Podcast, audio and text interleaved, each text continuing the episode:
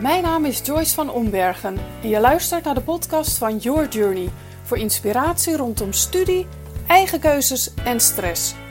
In deze aflevering ben ik in gesprek met Wico Mulder.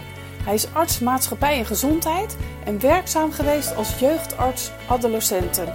Dat betekent jongvolwassenen, voor degene die dat nog niet wist. Um, maar die ontwikkeling, dus ergens bij horen is heel belangrijk. Maar ergens niet meer bij willen horen, is net zo belangrijk. En dan gaat het over dat je de keuzes maakt die bij jou past. Wico heeft een passie voor preventie, zorginnovatie en persoonlijke ontwikkeling. Hij focust zich met name op de gezondheid, de mentale gezondheid en welbevinden van jongeren in plaats van de focus primair te leggen op ziekte. Wico gaat ervan uit dat lichaam en geest, denken en voelen één zijn en direct effect op elkaar hebben. Zo kijkt hij ook naar de medische klachten van jongeren, zoals bijvoorbeeld hoofdpijn, buikpijn en vermoeidheid. De oorzaak van fysieke klachten hoeft namelijk niet altijd te betekenen dat er in het lichaam iets mis of stuk is. Het is van belang om zo ook nieuwsgierig te zijn naar het signaal achter de klacht. Zo hebben emoties, onder andere angst, spanning, stress en trauma, een groot effect op onze fysieke gezondheid en kunnen deze zeer ziekmakend zijn. Lichaam en geest zijn één. En daar bedoel ik eigenlijk dat je gedachten en hoe je je voelt, eh, dat dat eigenlijk met elkaar verbonden is, maar ook met je lichaam. We kennen dat wel, dat zit onze taal, het hart op de tong. Nou, de website ziemijnu.nl die gaat over jongeren eigenlijk met langdurig lichamelijke klachten, maar waar ze wel van af zijn gekomen. Wico heeft recent een website en een bundel gelanceerd met verhalen van jongeren dat hierover gaat. Ziemij.nl heet dat. Een ander platform dat hij onlangs ook mede heeft geïnitieerd is jongerenhulponline.nl. Deze landingspagina is bedoeld om jou als jongere op weg te helpen bij het direct vinden van al dan niet online ondersteuning. Het voorkomt dat je al googelend verdwaalt in het woud van instanties, hulpverleners en websites. De organisaties die hieraan meedoen zijn Jongerenhulp Online, de Kindertelefoon, de Luisterlijn, Eddies, Mindcorrelatie, Praten Online en 113 Zelfmoordpreventie. Deze organisaties doen dat veelal gratis en anoniem. Maar dat je goed leert uh, wat voor jou goed werkt om goed in je vel te blijven, letterlijk en figuurlijk. Ja. Dat, is een, uh, ja, dat is een tool waar je leven lang plezier van hebt. Ja, dat is een cadeau aan jezelf. Ik sprak Wico bij hem thuis terwijl hij zijn kleinzoon op schoot had, die tijdens het gesprek in slaap viel. En dat kwam niet omdat het geen enerverend gesprek was, kan ik je vertellen. Wico vertelde vol passie over onder andere het gespreksmodel dat hij ontwikkeld heeft en hem en andere hulpverleners helpt om in de gesprekken met jongeren inzicht te verkrijgen in wat jou uit balans brengt, maar juist ook wat voor jou belangrijk is om fysiek, emotioneel en mentaal gezond en fit te blijven. Het heet Manage je energie. Ga er dus maar weer goed voor zitten en leg pen en papier binnen handbereik, want je kunt ze zomaar eens nodig gaan hebben. Ben je er klaar voor? Here we go! Vandaag zit ik eh, live in de woonkamer bij uh, Wico. En op schoot zit William. Ja. Wico, wil jij jezelf eens voorstellen aan de luisteraars? Um, ja, ik uh, ben Wico Mulder. ik woon in Gorsel. We zijn een verzoek bij mij thuis in Gorsel. Woon ik sinds een jaar of vier. drie. En daarvoor heb ik 25 jaar in Amsterdam gewoond. Daar heb ik gestudeerd. Uh, ik heb daar geneeskunde en medische biologie gedaan. En uh, ja, via een omweg uh, ben ik meer en meer, heb ik meer en meer gevonden waar, wat eigenlijk mijn roeping was, waar ik me mee bezig wil houden. En dus ik heb geneeskunde gestudeerd. Ik dacht ik wil KNO-arts worden. Ik heb de huisartsopleiding lange tijd gedaan. En ik kwam er eigenlijk achter van ja, nee, eigenlijk specifiek als het gaat over preventie wil ik me bezighouden met pubers, adolescenten, jongvolwassenen.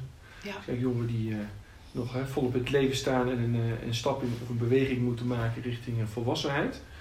En uh, dat vind ik interessant, om dat vanuit meerdere, ja, uh, meerdere facetten te bekijken van wat daarbij komt kijken. En, dus daar hou ik me eigenlijk al jaren mee bezig. lange tijd in de praktijk gewoon gewerkt als jeugdarts. ongeveer een, een, jaar of tien in Amsterdam. En um, en toen wel bewust eigenlijk de stap gemaakt om in Gorsel te gaan wonen, 25 jaar. Heerlijke omgeving. Uh, en ook het roer wat om te gooien qua werk. En ik werk nu als uh, adviseur bij het Nederlands Centrum Jeugd Gezondheid onder andere. En daar uh, hou ik me bezig met een project dat heet Klaar voor de Toekomst. En dat is eigenlijk een paraplu waarin ik eh, allerlei eh, thema's en projecten opstart die ja, met de zorg van adolescenten en volwassenen, of de brug van, van adolescenten en volwassenen te maken hebben. Fantastisch. Ja. Dankjewel. En oh, dankjewel voor je tijd ook. Dat jij tijd voor mij vrijmaakt uh, om een interview met jou te doen. Voor precies deze doelgroep. Ja, heel leuk. Ja, de luisteraars, uh, ja, de luisteraars zijn uh, nou, 16 tot 24 zeg ik altijd. En William horen we op de achtergrond. En William is een jaar en een maand volgens mij. Ja, die zit op schoot. Uh, dat is niet de doelgroep waar jij je specifiek mee bezighoudt, maar wel een belangrijke rol speelt in je leven, toch? Ja, zeker. Ja, ja. Want William is jou? Is mijn kleinzoon. Fantastisch. Ja. Dus, ja. Uh, ja. Dus uh, ik ben getrouwd met Monica en die uit de vorige huwelijk heeft drie kinderen. En de oudste dochter heeft een heel mooi zoontje, William. En heel vrolijk mannetje. Zeker. Heel levenslustig, grappig slaapt, eet goed, doet het heel goed. En, uh, dat is heel leuk. Gaaf. Ja, en mooi ook om te zien. Want uh, we hadden ook afgesproken, of we hebben een kort voorgesprekje gehad. En uh, gehad ook over wat is de intentie die we mee willen nemen in het gesprek voor ja, onze luisteraars. En toen hebben we ook bewust gekozen om er lekker bij te houden. Ja. Want volgens mij is dit eigenlijk ook meteen al een heel mooi bruggetje naar ons onderwerp voor vandaag. Namelijk, hoe manage je je energie? Ja. En hoe uh, ja, maak je goede keuzes, gezonde keuzes in je leven? Ja, als je het mij vraagt, hoor zo'n kleintje daar enorm bij. Want die wilde er gewoon bij zijn. En ja. wie weet, pikt hij er nog wel wat van op ook. Ja, hij had vanochtend heel even geslapen en net verschoten en ik wilde hem in bed leggen. Maar nou, hij gaf toch de keer aan dat hij erbij wilde zijn. En, mm nou, hij blijft heel rustig. Hij blijft er gewoon lekker bij. Helemaal goed. En hij moet ook zijn energie Exact. Dus, uh, Precies, prachtig Hij slaapt wanneer hij moet slapen en uh, hij speelt wanneer hij wil spelen. En uh, nou, daar stellen we natuurlijk wel grenzen aan hier en daar. En, ja. het is ongelooflijk hoe, hoe dat al, al op, jong, op zo'n jonge leeftijd al eigenlijk al te zien is in zo'n kindje. Wat, welke behoeftes die heeft en wanneer je hem, ja, wanneer je hem wat kunt bieden of waar hij wat aangeeft waar hij behoefte aan heeft. Ja. ja, dat is mooi, want je zegt op zo'n jonge leeftijd. Uh, dan ben ik ook meteen benieuwd, want je bent natuurlijk jeugdarts geweest. Ja. Wanneer je eigenlijk van dat natuurlijke uh, ritme, want een kind ja, op die leeftijd geeft gewoon zelf aan, nou ik wil nu wel slapen, nu niet, ik wil wat eten, nu niet. Echt praten gebeurt dat nog niet. Het is meer huilen en uh, nou ja, geluidjes ja, maken. En brabbelen. ja, en vaak opa verstaat het wel en de ouders vaak ook wel. Ja. Maar dan komt er een leeftijd dat je daarvan wegbeweegt. Tenminste, dat is toch wel wat we een beetje om ons heen zien. Ja. Dat het meer voor je bepaald gaat worden. Van nu ga je slapen en nu ga je eten. Hoe kijk jij daarnaar als je het gaat over managen energie? Vanaf welke leeftijd kun je daar zelf keuzes in gaan maken? Ja, uh, ja, zelf keuzes maken heeft ook te maken met het nemen van verantwoordelijkheid. En volgens mij kunnen we daar niet vroeg genoeg mee beginnen. Mm dat je begrijpt wat verantwoordelijkheid nemen is. Uh, de vraag is, kun je al op jonge leeftijd, hè, echt daadwerkelijk een, een kind of een puber of een, een adolescent al verantwoordelijk maken voor bepaalde facetten? Uh, dat gaat misschien een stap te ver, maar het wordt, wordt verantwoordelijkheid nemen, zelfredzaam worden of zijn ik denk dat dat een, uh, een proces is en dat we dat dienen te ondersteunen en te faciliteren. En, uh, en dat betekent dat je dus het gesprek moet aangaan over grenzen. Ehm, begrenzen en mm grenzen aangeven. Um, niet zozeer vanuit wat een beetje eronder zit, die toon van begrenzen als een politieagent of hè, maar juist vanuit stimuleren, motiveren, inspireren.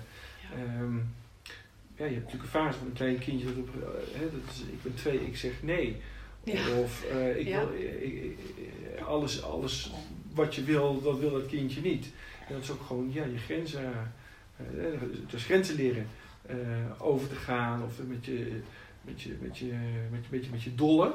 Dat, dat, doet, dat doet William ook al op deze leeftijd. Die, die gaat ook al grenzen over. met zijn kaartje loopt hij hier door de kamer en gaat onder de tafel waar de hond ligt uh, even de hond dollen. Om die van zijn plek te krijgen. Dat is toch al een beetje sarre. Dat is ja, mooi hè, zo jong dus al. Ja. Een jaren, een maand. Ja, ja, toch al inderdaad op zoek naar eigen grenzen. grenzen, ja. ja. En ik denk dat het heel goed is dat we uh, onze grenzen uh, leren te verleggen. Ik denk, dat, ik denk ook dat het goed is dat we grenzen aanbrengen. en dat we daar heel duidelijk in zijn als ouders, of als, als leerkracht, mentor op een school. Maar de, de, manier hoe je dat doet, de vorm waarin je daarin stimulerend en motiverend bent en blijft, is denk ik heel cruciaal. Helemaal eens, helemaal eens. En ik zou er één aan toe willen voegen. En dat is dat je ook je grenzen naar leeftijdsgenoten mag uh, aangeven. Ja. Ik hoor ook veel jongeren die daar uh, echt problemen mee hebben. Of zeggen, ja, maar ja, dat is wat diegene van mij verwacht. Maar moet ik dat dan ook zomaar doen? Ja. Er is veel peer pressure. Uh, ja. social media komt natuurlijk vaak naar voren. Ook in, in deze gesprekken, of de gesprekken die ik sowieso voer met jongeren. Um, ja, ik, wat ik heel mooi vind om te horen van jou, en daar geloof ik zelf ook heel erg in, is dat je het vanuit een motivatie uh, doet, vanuit nou ja, inspira inspireren. Daar geef ik dan wel te bij aan van wij bepalen niet als volwassenen of het inspirerend is. We bieden iets aan en hopen daarmee uh, dat de ander dat uh, ja, wel of niet inspireert. Ja.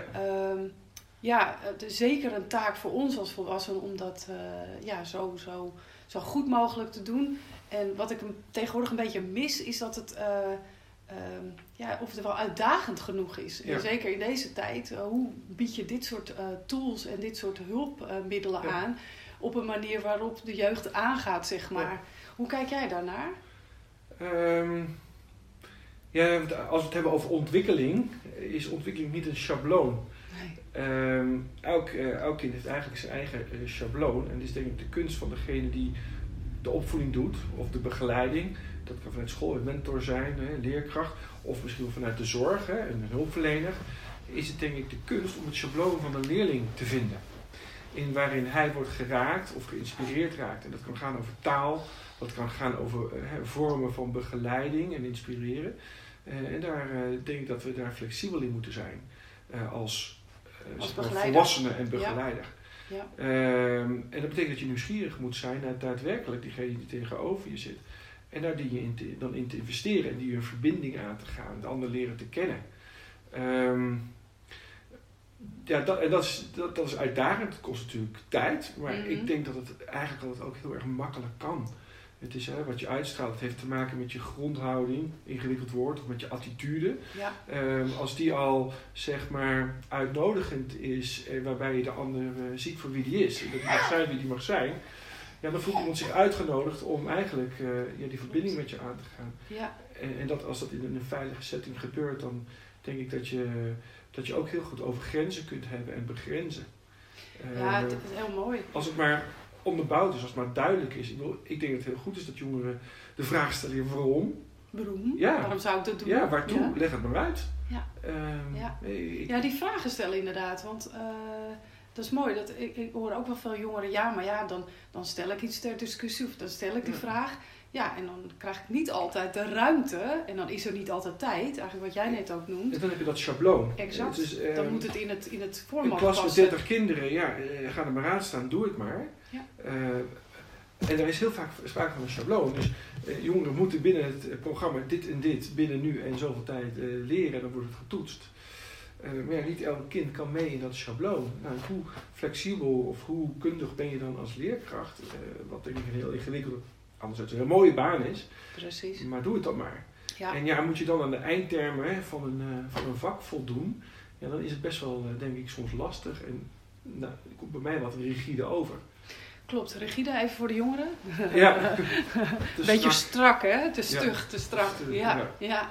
ja. nee, eens. En, en inderdaad, dan is het een hele uitdaging voor jou als begeleider, als docent of als, eh, als nou ja, kleuterjuf of Ja. wat, waar je ook mensen, jongeren begeleidt. Eh, om dat binnen je uren die je hebt eh, Ja. te doen. En we zien natuurlijk best wel veel docenten die buiten schooltijd echt nog allerlei eh, tijden, Ja. dingen doen. Die jullie jongeren niet altijd zien. Maar eh, ja, het is wel een uitdaging om dat te doen. En Ja. ook je eigen gezondheid, want ook docenten moeten hun energie managen. Zeker, ja. Ja, ja om daar eh, op een gezonde manier mee om te gaan. Ja. Ik, Wico, jij hebt, eh, ja, we hebben in het voorgesprekje al gezegd, waar gaan we uit kiezen? Want Ja. je hebt natuurlijk zo'n berg aan ervaring ook en, en verhalen vanuit je praktijk en eh, nou ja, vanuit je studie en tools. Van waar gaan we ons op richten? En we hebben besloten om het te hebben over eh manage je energie. En daar heb je een heel mooi model eh, voor ontwikkeld. ja. En daar zou ik het graag met je over willen hebben. Eh, leuk. Ja, om ja. te kijken of we, of we daar jongeren mee eh, ja, kunnen helpen eigenlijk. eh, zichzelf of hun energie te leren managen. Ja. Kun je wat vertellen over het model, hoe het is opgebouwd? Misschien Ja. eerst hoe het, hoe het ontstaan is, hoe Ja. je zelf... eh, Nou, het is, het is eigenlijk ontstaan uit een boek wat ik las. En daar zag ik een piramide in staan die verdeeld is in vier vlakken. Of eh, in vier, sorry, in vier lagen.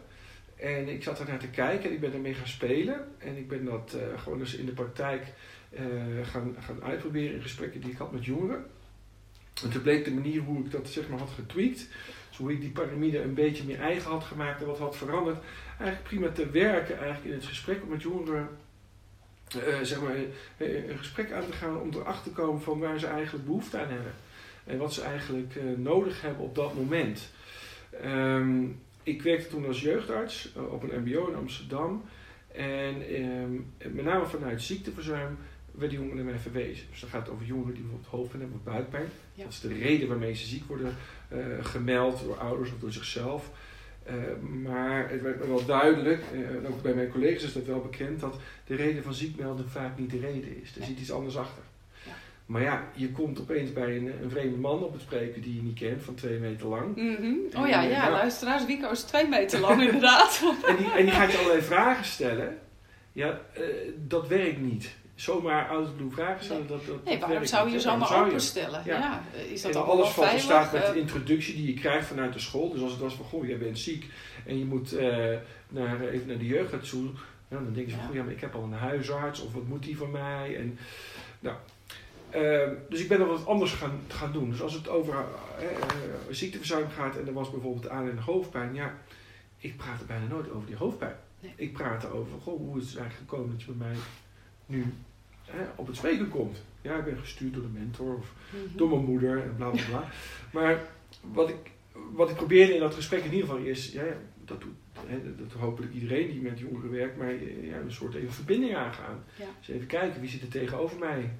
Ja. Waar is hij in geïnteresseerd? Of wat vindt hij lastig? Of wat vindt hij leuk? En, Ja, wat zijn zijn hobby's misschien wellicht? Ja. Ja. al dat soort dingen. maar hoe is deze school en waarom heb je ervoor gekozen? Maar eh, in ieder geval dat je met de jongeren meteen een verbinding maakt over iets wat hem interesseert en wat hij leuk vindt. En al heel snel moet je dan eigenlijk hè, bespeuren, nou is dit het juiste lijntje waarmee Ja. je een verbinding legt. We moeten het over iets anders hebben. Ja, of, of Eén jongen praat te eh, veel, anderen ja. zijn gesloten. En de piramide, dus wat een gesprekspiramide is over manage energie, ben ik gaan gebruiken. En eigenlijk in het gesprek eh, schrijf ik dan eigenlijk datgene wat jongeren mij vertellen op een wit vel rondom deze piramide. Nou, de piramide, wat ik zei, moet je voorstellen, hè? dus een, een, een driehoek. En met een onderste laag, en dat is de fysieke laag. Het zijn dus vier lagen. En de laag daarboven is zeg maar de laag die gaat over je emoties. Zo lachen, eh, als huilen, of hè, bang en boos. boosheid. Hè, je emoties en gevoelens. De laag daarboven gaat over je eh, cognitieve eh, zijn, je, je, eh, het EQ zoals het wel genoemd wordt. Ehm, eh, of sorry, het IQ, je intelligentie. En de bovenste laag, dat gaat eh, over je ik, wie je bent. En wat je ten diepste misschien wil en wat je verlangend zijn. Ook wat spirituele eh, dimensie genoemd. Wa- Wat ik eigenlijk benoem is, je, er zijn vier intelligenties, daar ga ik vanuit. En vanuit die vier intelligenties die iedereen bezit, en hier en daar misschien nog beter zou kunnen ontwikkelen, eh, ga ik het gesprek met jongeren aan. Nou, zo plastisch over die vier heb ik het niet. Nee. Maar ik- dat is de rode draad in, in Dat is het de rode draad. Ja. Dus het gaat over EFQ, het gaat over EQ, het gaat over IQ en het gaat over SQ. De onderste laag gaat over het fysieke. Dat gaat over slapen, voeding, sporten, bewegen. Ik, heb een jongen gewoon gesprek van, goh, hoe ziet jouw dag eh, eruit als het gaat over sporten en bewegen? En, eh, hoe, hoe is je slaap? En, dat, dat, dat vraag je een beetje uit. Alleen dat gaat bij mij altijd in het gesprek. Dus ik, ik stel niet Je zit niet als, als een, een, eh, hè, zoals de meeste jongeren dan een beeld hebben bij een arts of jeugdarts. Ja. Met een lijstje voor je. Nee, In een witte jas draag je ook niet volgens mij. Nee. Eh, met een lijstje af te vinken van nou, eh, hoeveel uur dit, hoeveel dat. Het Nee, is echt een, een, eh, gesprek van mens tot mens. Ja, dus in een fluïde gesprek, gewoon in een, in een, ja, een gesprek van mens tot mens, probeer ik eigenlijk een beeld te krijgen van hoe een jongere eh, in die vier lagen, zeg maar, zijn dag eh, indeelt of beleeft. Of. Eh, dus dan gaat het ook eh, daarboven over, ja, ik vraag niet letterlijk van hoeveel uur lach jij per dag, of hè, ben je wel eens boos. Ehm, maar aan de hand van wat hij mij vertelt, Mhm. probeer ik het verhaal eruit te halen. eh, van een voorval, bijvoorbeeld die week, met een leerkracht of misschien thuis. Mhm. Ehm, dat zegt iets over de tweede laag. Ja. Eh, de laag daarboven gaat, hè, dat werkt over eh, je, je, die intelligentie en opletten en concentreren op school en over proefwerken maken en of dat wel niet of, of wel of niet lukt. Uh, en de laag daarboven, dat gaat eigenlijk over wat vind je leuk om te doen? Wat vond je vroeger leuk om te doen? Waarom doe je dat niet meer? Dat kan overigens ook gewoon helemaal boven in sporten zijn. Precies, wat je vroeger altijd in de basis, die komt sport, dan terug. Maar het is van een andere orde, want de, de piramide helemaal bovenin gaat ook over, ingewikkeld woord, maar gaat over flow. Gaat over... Nou, dat snappen jongeren wel hoor. Ja, ja zeker wel. Dat, dat is ja, natuurlijk een beetje de heilige graal. Ja, de Als flow. je in je flow bent, dat betekent eigenlijk dat je je energie goed verdeelt. Nou, om bovenste in de piramide, om dat goed te leven, of om dat, dat oké te hebben, we noemen dat ook wel eens lekker in je vel zitten. Hm. Dat is meer dan daadwerkelijk echt lekker in je vel zitten. Maar dat bedoelen we ook emotioneel, dat bedoelen we ook cognitief. Uh, daarvoor moet je die, onder, die onderste drie lagen, die eerste drie lagen, eigenlijk op een goede manier in elkaar hebben. En dan vraag ik, naar aanleiding van een gesprek wat ik heb gehad met Joeren aan het einde, van goh, uh, of zo drie kwart van het gesprek, van goh, maar geef nou eens een cijfer per laag. En uh, aan de hand van die cijfer, want dat kennen ze van, van, van rapporten, ja, van school, ja. zo van school, krijg je een indruk van wat ze er eigenlijk van vinden. En dan kan dus je eigenlijk scoren, van nou, hoe, hoe scoren, en, en scoren ze dan zichzelf? Of scoren ze zelf. Ja. Dus we hebben net een gesprek gehad en ik heb gehoord over uh, nou, wat je doet aan eten, bijvoorbeeld hè, lunch op school. Koop je dat, neem je dat mee, wat neem je mee? Of laat je bezorgen. Ja. Dat gebeurt tegenwoordig ook. Ja. ja. En dan weten, de meeste jongeren weten heel veel, dus die weten heel goed of het wel of niet gezond is. Ja. En dan vraag ik ze gewoon, goh, als je zelf nou eens een cijfer moet geven voor jouw voedingspatroon, wat voor cijfer zou je dan geven over de afgelopen week of maand? Nou, stel ik komt een 4 uit, of een 5. En ik vraag bijvoorbeeld ook, nou, hoe gaat het eigenlijk op school? Qua rapporten en proefwerken en je aanwezigheid en hoe vind je het eigenlijk? En dat is bijvoorbeeld een 7. Dan kan je vragen van, goh, nou, hè, zo hebben ze alles gescoord. Wat zou je willen verbeteren? Dat kan best zijn dat ze dan zeggen, ja, eigenlijk wil ik op school, ja, weet je, ik wil volgend jaar heel graag uh, uh, mijn examen halen, ik wil die nu studie doen, maar dan wil ik eigenlijk gemiddeld hogere cijfers hebben. Dus misschien wil ik wel van een 7 naar een 8. Ja. Hè? Maar het kan ook zijn dat ze, ja, nou ja, dat sporten, ja, ja, inderdaad, ik moet misschien uh, wel iets meer sporten. ik wil eigenlijk wel van een 4 naar een 5. Ja. En dan is de vraag, ja, maar hoe ga je dat nou doen? Ja. Nou, dat kan best zijn dat ze dat zelf weten, of ik vraag dan hoe ga je dat doen, en wie heb je daarbij nodig? Ja, mooi. Wie kan je ondersteunen? Ja. Ja. En dan probeer je samen een plan te maken over gewoon, hoe ga je nou bepaalde cijfers vergroten uh, of verhogen. Um, um, en vervolgens ben je dan eigenlijk bezig met de intrinsieke motivatie, zoals dat heet. Dus als je wil veranderen, ja, dan, uh, dan zal ik misschien straks nog vertellen wat onder verandering zit. Maar in ieder geval wil je bij verandering wil je de intrinsieke motivatie, zoals dat heet, dat jongeren echt in hun buik voelen van ja, dit vanuit wil ik. zichzelf willen. Hè, dat ze ja. een vlammetje voelen, Ja. die energie voelen, dan komen ze in actie. Ja. Want dan weten ze, ze aan, ik weet waarom ik dit wil en, eh, en ik weet wat ik eigenlijk heb te doen en wat ik leuk vind. Maar dan is het ook nog zo, en dat vertel ik dan aan het einde, is dat al die lagen hebben met elkaar te maken. Dus het maakt niet uit wat je kiest waar je aan wil werken. Datgene waar je aan gaat werken zal ook effect hebben op de andere Op de lagen. andere lagen, ja. Dus dat, eh, dat is heel erg belangrijk. Ehm, belang, een van, het is niet, je kan niet praten over de belangrijkste laag, maar een hele belangrijke laag is natuurlijk de basis. Ik bedoel, je leeft in je lichaam, dus daar heb je goed op te zorgen. Precies, ja. Dus- je lichaam is eh, je huis. Hè? Ja. Mag je, tenminste zo leg ik het altijd uit. Ja, Dat je één, eh, nou ja, of je voertuig, hoe je het maar wil zien. ja. Maar in dit leven zou je het met dit lichaam moeten doen. Dus wees er zuinig op. Ja. Dus, Dus die onderste laag is eigenlijk je is- fundament. Dat is je fundament, zoals zeg maar de basis van een huis. Nou, dat moet goed zijn. Hè, eh, het fundament van een huis, want anders gaat die eh, verzakken. ja, dan gaat hij eh, dus dat slapen, dat voeding en bewegen is heel erg belangrijk. Dus ook eh, is dat weer heel erg belangrijk voor bijvoorbeeld ja, de sport die erboven ligt, of de laag die erboven ligt. Om die goed te kunnen doen, moet het fundament goed zijn. Ja. Maar de- uiteindelijk hebben die vier lagen allemaal met elkaar te maken. Die hebben invloed op elkaar. En eh, ja, waar het om gaat, en daar zijn we allemaal in ons leven mee bezig, totdat we oud, eh, Mhm. oud zijn, is die balans behouden tussen die vier lagen. Ja. En de ene tijd vraagt misschien de tweede laag meer energie, omdat je bijvoorbeeld iets meemaakt wat niet leuk is, waar je boos over bent of verdrietig Of verdrietig. of gestrest eh, over bent. Hè, dat gaat over die emoties en gevoelens, eh, die heel erg belangrijk zijn om te bespreken met iemand met wie dat veilig voelt en Mhm. oké voelt. Ehm, maar de andere keer is ja bijvoorbeeld de, de, de derde laag gewoon heel erg belangrijk, omdat je een tentamen of een examen gaat halen, dat je je goed wil concentreren. En dat, eh, maar dan zijn de andere lagen daar om die te ondersteunen. Ja. Dus het gaat over de balans. En Ehm, ja, opgeteld ehm, is de oppervlakte van al die lagen 24 uur bij elkaar. Dan kun je dus kijken op 24 uur, hoe heb ik vandaag, als je terugkijkt, eigenlijk mijn piramide gehad. Nou ja, is dat een keertje scheef? Dan is dat zo. Is dat twee, drie dagen scheef? Is dat zo? Maar eh, hij is ervoor om je weer terug te helpen, om terug te komen naar de juiste indeling van je 24 uur en weer in balans terug te kunnen komen. Ja. En, eh, dus het is niet een, eh, het moet zo. Het gaat erom dat je inzicht krijgt in van, goh, als ik nou uit balans ben, Ja. dat je voor jijzelf eigenlijk, ik noem dat je eigen recept, weet, wat werkt bij mij om weer in balans te komen. En eigenlijk op elke laag zijn er wel kunstjes en trucjes te leren om je daarbij te ondersteunen. Nou, dat doen we ook wel psycho-educatie, maar het is afhankelijk van een jongere of die die informatie überhaupt van jou wil horen. Nou, naar aanleiding van wat een jongere wil en waar zijn, zijn droom is, zijn verlangen ligt, ja, geef ik dan, want ja, ik heb ook niet alle tijd en die jongen heeft ook niet alle tijd van de wereld, Nee, geef ik hem die informatie die hij wil horen. dus dan verwijs je door of geef je tips of boekentips. Het kan van alles eh, zijn. kan Ja, het alles kan een zijn. website zijn, Ja. eh, het kan een boek zijn, het kan inderdaad een verwijzing zijn naar een persoon. Ja. Eh, ja, dat kan, eh, kan van alles nog wat. eh, Dus eigenlijk ben je ook een soort verbinder, een soort vertaler, als ik je goed beluister, voor de jongeren naar eventuele andere eh, Ja. hulpverlening of eh, nou ja, inderdaad tools en tricks eh, rondom eh, lifestyle zelfs. ja, ja, Ja, Ja. mooi. Dat is toch wel heel, heel, ehm, een heel andere manier van het beroep eh, jeugdarts uitleggen, merk ik. ja. Ik denk dat heel veel jongeren nu daarin- denken, wauw, met zo iemand zou ik best wel in gesprek willen. Ik ben daarin denk ik ook wel an- wat anders dan, dan co- collega jeugdartsen. Maar dit is hoe ik waarde heb gegeven aan de tijd die ik heb, die ik doorbreng met de jongeren, in de rol van jeugdarts. Ja. Waar het altijd gaat over preventie.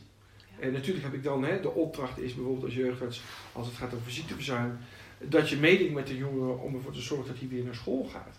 Hopelijk dezelfde school. Mhm. En anders hè, bekijken van god, maar welke school is anders misschien beter passend. En daar heb je dan gesprekken over met ouders. De rol van jeugdarts gaat er ook met name om eh erachter zien te komen wat eigenlijk de oorzaak is van het verzuim. Ja. En dat gaat verder dan alleen maar het fysieke. En eigenlijk is mijn ervaring dat het fysieke probleem waar jongeren mee komen, eh, vaak op een andere manier opgelost kan worden dan dat er daadwerkelijk iets stuk is in het lichaam wat gerepareerd moet worden. En dat is natuurlijk heel erg medisch-technisch denken, volgens het biomedisch model. Ja, en de symptomen zijn er, dus het zal wel in het Ja. lichaam zal er wel ergens iets stuk zijn. Ja, En ja, en het kan heel zinvol en goed zijn om in bepaalde gevallen daarnaar te zoeken. En bijvoorbeeld hè, verwijs gewoon naar een huisarts of naar een specialist in het ziekenhuis die wat aanvullend onderzoek doet. Maar ik denk dat we te veel jongeren eigenlijk in het medisch systeem hebben vanuit dat biomedisch denken, wat ik dan maar noem. Hè, dat het oorzaak-gevolg, dat een hoofdpijn of een buikpijn daadwerkelijk ook een fysieke ehm, oorzaak. oorzaak heeft. Ja. Vaak hebben fysieke oorzaken ook wel, hè, als het echt fysiek is, alarmsymptomen. Dus die buikpijn, is dat echt iets wat buikpijn, Ja. wat, wat eh, echt naar een kinderarts moet, dan zijn er ook wel andere symptomen vaak die een rol spelen. Hè, bijvoorbeeld bij de ziekte van Crohn of colitis ulcerosa. Dat zijn hele ernstige en vervelende, langdurige eh, chronische ziektes die jongeren al op jonge leeftijd kunnen krijgen. Ja, maar als dat de buikpijn is waar een jongere zich mee ziek meldt, dan is het vaak wel duidelijk dat dat echt Ja. zo'n ziekte is. Ja. Is dat het niet, dan denk ik dat het goed is dat je nou, misschien nog een beetje verder kijkt, wat is het fysiek dan? Mhm. Maar dat je ook eh, ja, goed kijkt ook binnen het, ik noem het maar, binnen het systeem. Binnen de wereld van de jongeren, inclusief hè, gewoon de familie thuis, de school, wat andere oorzaken kunnen zijn eh, die mogelijk ook tot die fysieke klacht leiden. Waar ik namelijk in geloof is, of op vertrouw, is dat hè, lichaam en geest heel ingewikkeld zijn één. Maar daarmee bedoel ik dat ja, ons hoofd zit op het lichaam en het lichaam hè, dat zit aan het hoofd vast. Dus wat we denken en wat we voelen in onze buik zit met elkaar in verbinding. Dus als je overtuigingen hebt of je bent bang, heeft dat als je dat geen aandacht geeft, op een gegeven moment gewoon effect. Ja. En kun je daar letterlijk ziek van worden. Emoties en gevoelens, daar kun je, hè, daar kun je letterlijk ziek van worden als die langer bestaan. Ja. Eh, Ja, ik geloof er ook enorm in. En ik eh, roep ook heel vaak, dat weten de luisteraars inmiddels wel. Waar ik of wij in geloven, hoeft voor jou de waarheid niet te zijn. Dus hou Ja. je bullshit detector aan. maar ik ben het er helemaal mee eens. Ja, Want het, heeft, het is onlosmakelijk met elkaar verbonden. Ja. Wat jij denkt, dat kan eh, heel positief zijn en kan je alleen maar gezonder maken. Maar je kan net zo goed met diezelfde gedachte een soort toxisch eh, eh, Ja. effect op je lichaam hebben. Van, nou, Ja. ik, al, al simpel een zinnetje van, ik kan het toch niet. Of Ja. eh, ik, nou ja, als je dat maar vaak genoeg tegen jezelf zegt, ja, dan ga je je op een er gegeven moment misschien wel hoor. Ga je er ook nog in geloven. Ja? Hoe ik dat dan wel vaak noem, je eigenlijk noem je dat een soort, eh, eh, iedereen heeft wel een stemmetje in zijn hoofd. Hmm. Dat bedoel ik niet, hè, iemand die schizofreen is Nee. of een psychose heeft, hè, wat hele ernstige hè, geestesziektes zijn. Hè, en die, die mensen hè, die, die, die hebben vaak een, hè, een psychiater. Nee, het stemmetje in het hoofd die altijd over jou oordeelt. En dat stemmetje heeft het eigenlijk altijd niet zo goed met je voor. Nee. En het gaat erom dat je dat stemmetje leert temmen. Dat je goed eh, in gesprek durft te gaan met dat stemmetje. En dat je ook eigenlijk vragen durft te stellen aan dat stemmetje van goh, maar waar, waar haal je het eigenlijk vandaan en waarom denk je dat? En vaak is er wel een reden en een aanleiding. Ehm, en ontstaan er eigenlijk eh, van dat soort stemmetjes over iets wat er is gebeurd. En is het van belang dat je ja, daar ehm, ja, kritisch over bent. Ja, Ik denk en- dat het heel goed is als we, als we jongeren eh, ja, leren ook vragen te stellen. En dat ze kritisch blijven, ook Ja. datgene wat hen wordt verteld. Eh, niet zozeer om een discussie aan te gaan, maar te proberen om een dialoog met elkaar aan te gaan. Een dialoog is dat je in elkaar verdiept van waarom vertelt iemand wat hij vertelt. Wat zit daarachter? Wat is eigenlijk de reden waarom hij daarin gelooft of op vertrouwt? In een dialoog probeer je met elkaar verder te komen, elkaar te verrijken. Ehm, eh, in discussie vind ik altijd ja, is wat lastiger, omdat Ja. eigenlijk je dan eh, in een debat gaat waarbij Ja. iemand gelijk heeft en de ander één niet. wil de ander overtuigen. Ja. en dat kan in sommige situaties heel erg mooi zijn, een debat. Ik vind dat heel erg knap, mensen die heel goed kunnen debatteren. Eh, maar het is denk ik nog ingewikkelder, m, maar veel mooier, als je goed in dialoog met iemand kunt hebben. Want dan, en ik denk dat dat heel mooi is om dat aangeleerd te krijgen, is dat je je kunt verdiepen in de ander. Helemaal waar. En dan Ja. is er geen gelijk. Dan is er, eh, ben je gezamenlijk op zoek naar eh, nou, elkaars waarheid. Juist. En wellicht een, een, een brug, een, een oplossing. Ja. Maar ik wil heel even met je terug naar het stemmetje. Want die, die kwam even heel kort voorbij. Ja. En er kan een jonge luisteraar zijn die denkt, eh, stemmetje, eh, hoe bedoel je? Ik zeg Ja. ook wel eens de gremlins in je hoofd. Ja. Want sommigen hebben er wel meer dan één. En dan is het nog steeds geen ernstige ziekte. Wat natuurlijk hè, helaas ook wel voorkomt. Maar het, iedereen heeft inderdaad die stemmetjes of een Ja. stemmetje. Ehm, ik weet ook dat jongeren er soms eh, eh, eh, baat bij hebben om het niet per se een stemmetje of meer een, een, een vorm te geven. Of een, een, sommigen hebben het zelfs over een engeltje op hun schouder. Ja. Of juist een duiveltje op hun schouder. Ja. Heb je daar ook ehm, nou ja, tips voor misschien zelfs? Dat je zegt, ja, als ik dat gesprek heb met een jongere, dan noem ik het ook wel eens zo of zo. Want ja, niet iedereen kan met dezelfde woorden nou ja, begrijpen waar we het nu over hebben, denk ik. Ja. Nou, het is eigenlijk al, ehm, als je bijvoorbeeld eh, in een ruimte komt eh, voor het eerst, eh, bijvoorbeeld een klaslokaal loop je in of je loopt gewoon de supermarkt in en je, je ziet iemand, dan heb je daar een oordeel over, dan vind je daar iets van. Nu gaat het dus over de ander. Ja. Ehm, nou, wat je daarvan vindt, dat, zijn, dat is jouw overtuiging, die komt ergens vandaan. Heel vaak is het ook wel aangeleerd gedrag. Ehm, maar ja, je- dat besef dat je dat hebt, dat, daar begint het al. Ehm, maar datzelfde vind je ook heel vaak van jezelf. Eh, of niet datgene wat je van het vindt, vind je van jezelf. Maar je, daarmee bedoel ik van, zo'n stemmetje heb je eigenlijk ook over jezelf. Eh, dat je bijvoorbeeld eh, vindt van, goh ja, ik kan het ook niet. Hè, je wordt een beetje boos of geïrriteerd over jezelf. En de vraag is, ja, waar komt dat dan vandaan? Dus, dus- dat is dat, dat, dat, is dat stemmetje. Zo'n stemmetje is, is, is belangrijk dat je daar bewust van bent en dat je daar iets, mee, iets mee doet en, en daar niet klakkeloos op vertrouwt.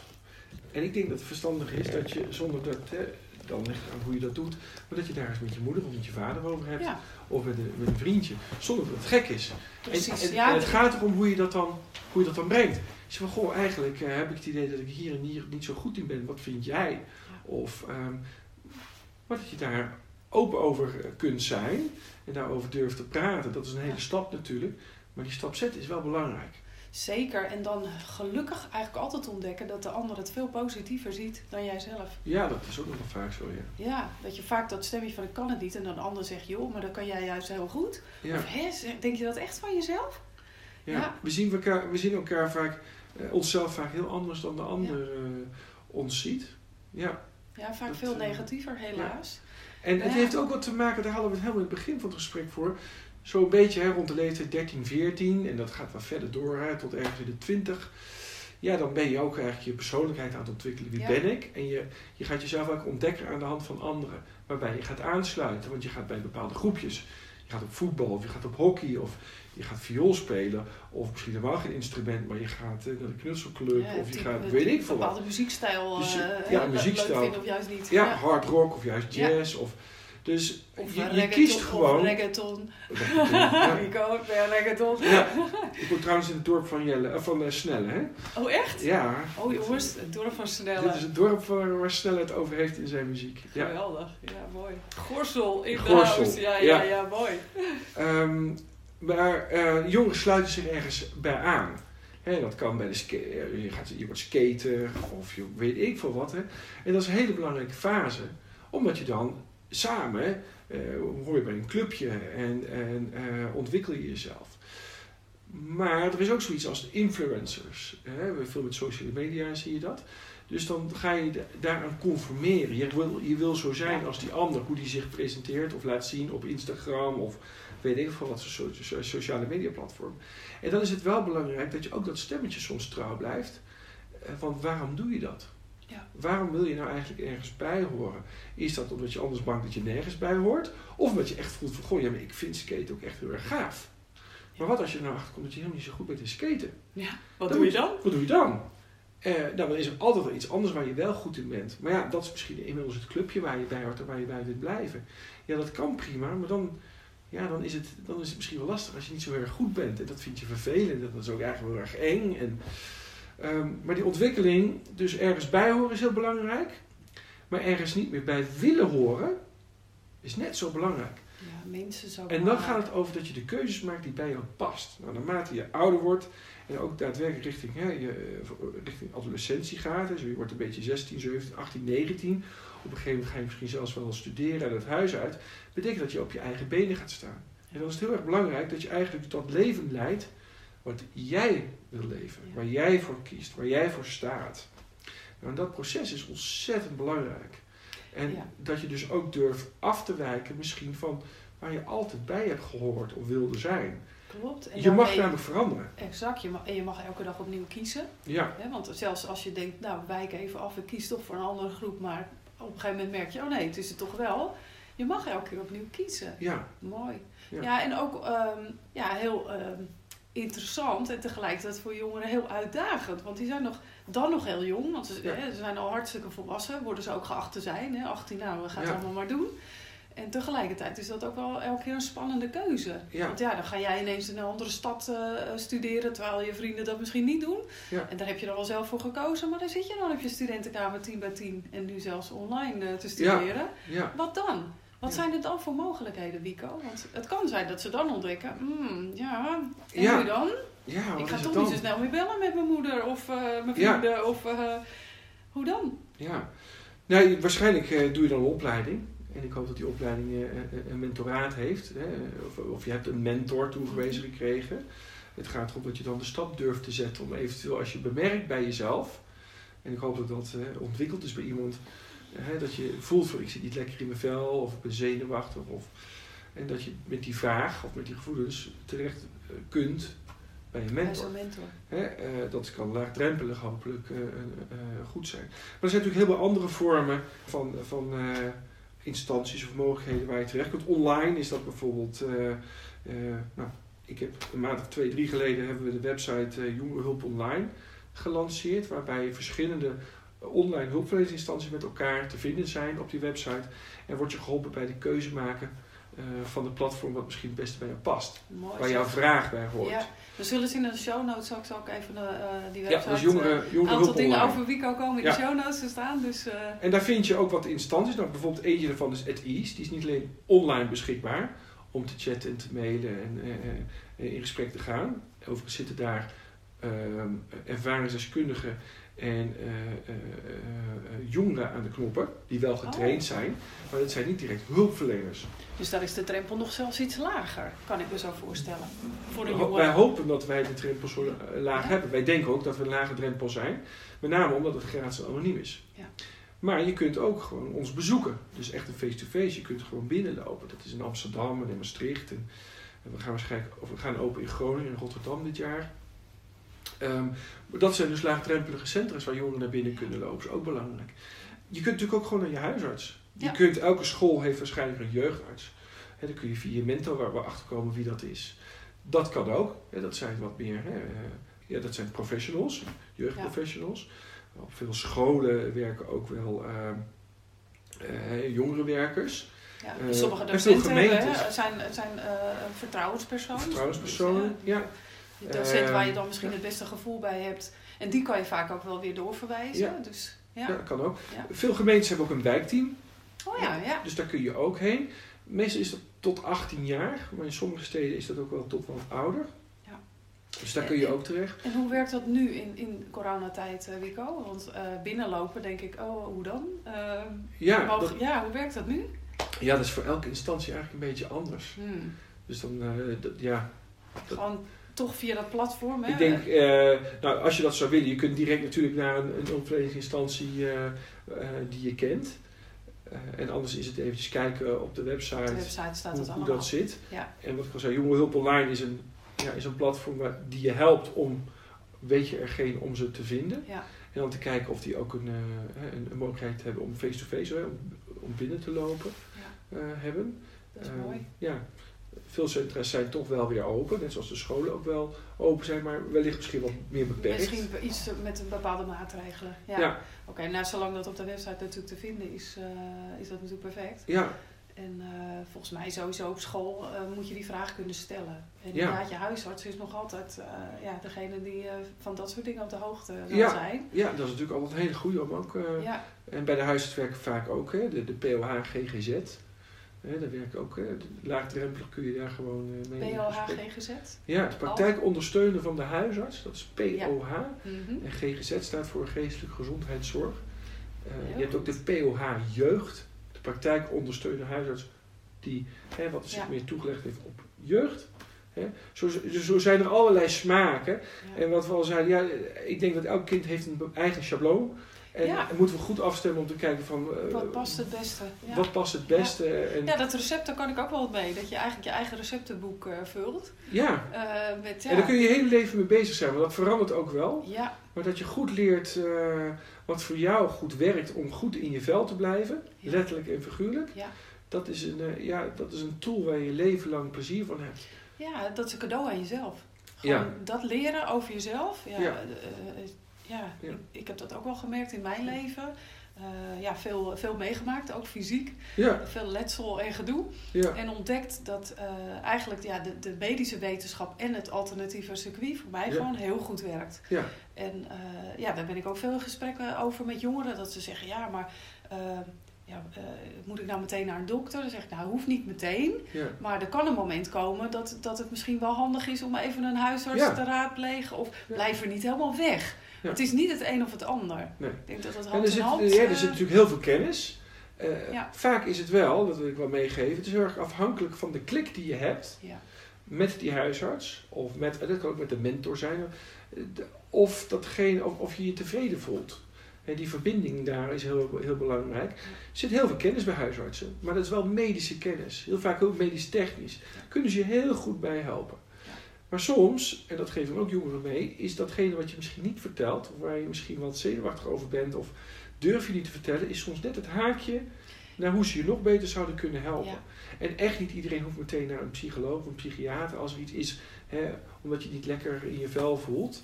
Ehm, maar het is een samenspel tussen jou en de huisarts, of eigenlijk tussen jou en elke hulpverlener. ja, En is de klikker niet en voel je dat, ehm, ga dan naar een ander, is eigenlijk Ja. mijn advies. Eh, heel mooi want in die verbinding ontstaat eigenlijk datgene waar het over moet gaan. Ja. En ehm, ja, waar het over moet gaan is soms ook de, de, kwetsbare dingen die Dat zijn ook de dingen die je inderdaad De eng niet vindt om leuke te dingen. vertellen. Ja, Ja. dat klopt. Ja. En- en ja, of de dingen opbiechten die je misschien gedaan hebt waarvan je dacht, nou, Ja, durf ik dat nu te vertellen? Want wellicht heeft het wel invloed op je gezondheid of eh, keuzes. eh, als we het hebben over drugs en over seks en over dat soort onderwerpen. Ja, die zijn soms heel spannend om bespreekbaar te maken. Terwijl als je er rustig over kunt praten met een, Ja. een hulpverlener of een, een- of een coach of, een, of een- Ja. de huisarts of je ouders, hè, Ja. als je gewoon eh, dat durft, dan kan het zo het verschil maken. En, dan hoeft het niet zo'n groot probleem te worden, wat het misschien uiteindelijk wel wordt als jij niet durft te praten. maar soms heb je geen, eh, misschien zelf een idee van, goh ja, ik, ik wist niet dat het daarmee te maken had. Of hè, dat hoe de dingen met elkaar in verbinding staan. Ja, net zoals in de piramide, dat elke laag met elkaar, eh, eh, met elkaar verbonden is. En dat ze allemaal effect op elkaar hebben. Ja, zo is dat heel vaak. Gewoon met hetgene wat je meemaakt Ja. in het hier en nu, maar ook bijvoorbeeld in het verleden. Hetgene, hè, een, een nare situatie in het verleden kan nog steeds in het hier en nu of in de toekomst effect hebben, omdat je het misschien niet ja, goed hebt verwerkt. Of, omdat Ja, of, je begrijpt gewoon niet hoe die verbinding inderdaad is. Of iemand heeft het je nog niet uit kunnen leggen. ja, Nou, dat heb je vandaag heel goed kunnen uitleggen, Wico. Als ze daar meer over willen eh, weten, over die piramide, eh, waar kunnen ze meer informatie eh, vinden? Eh, nou, ik- ik ben een boek aan het schrijven samen met Suzanne Kruijs. Dat komt waarschijnlijk uit in januari. Het is eigenlijk een boek voor hulpverleners.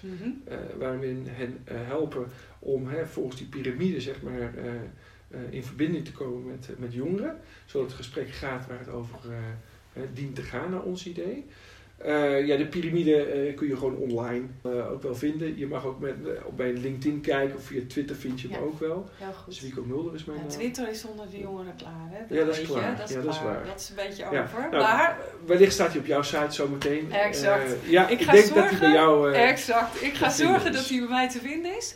Eh, en in de show notes zal ik allerlei eh, Ja. Nou ja, linkjes eh, plaatsen. ja. En nu laat de hond zich ook horen. Fantastisch. Ja. Ja, heerlijk. Het is echt gewoon een family gebeuren. Ik hou ervan. Ja, ik denk dat we voor vandaag een beetje richting het einde gaan. Want ja, ik zeg het wel eens vaker. Ik ga, wil mezelf niet herhalen. Maar we zouden nog uren door kunnen praten. Maar ik En, hoop dat het een beetje zin- ja, dat het zinvol is. In ieder geval dat de luisteraars er iets uit kunnen halen wat ze kunnen Ja, eh, gebruiken. Ja, ja. Dat, nou, eh, ik weet het zeker. Ja.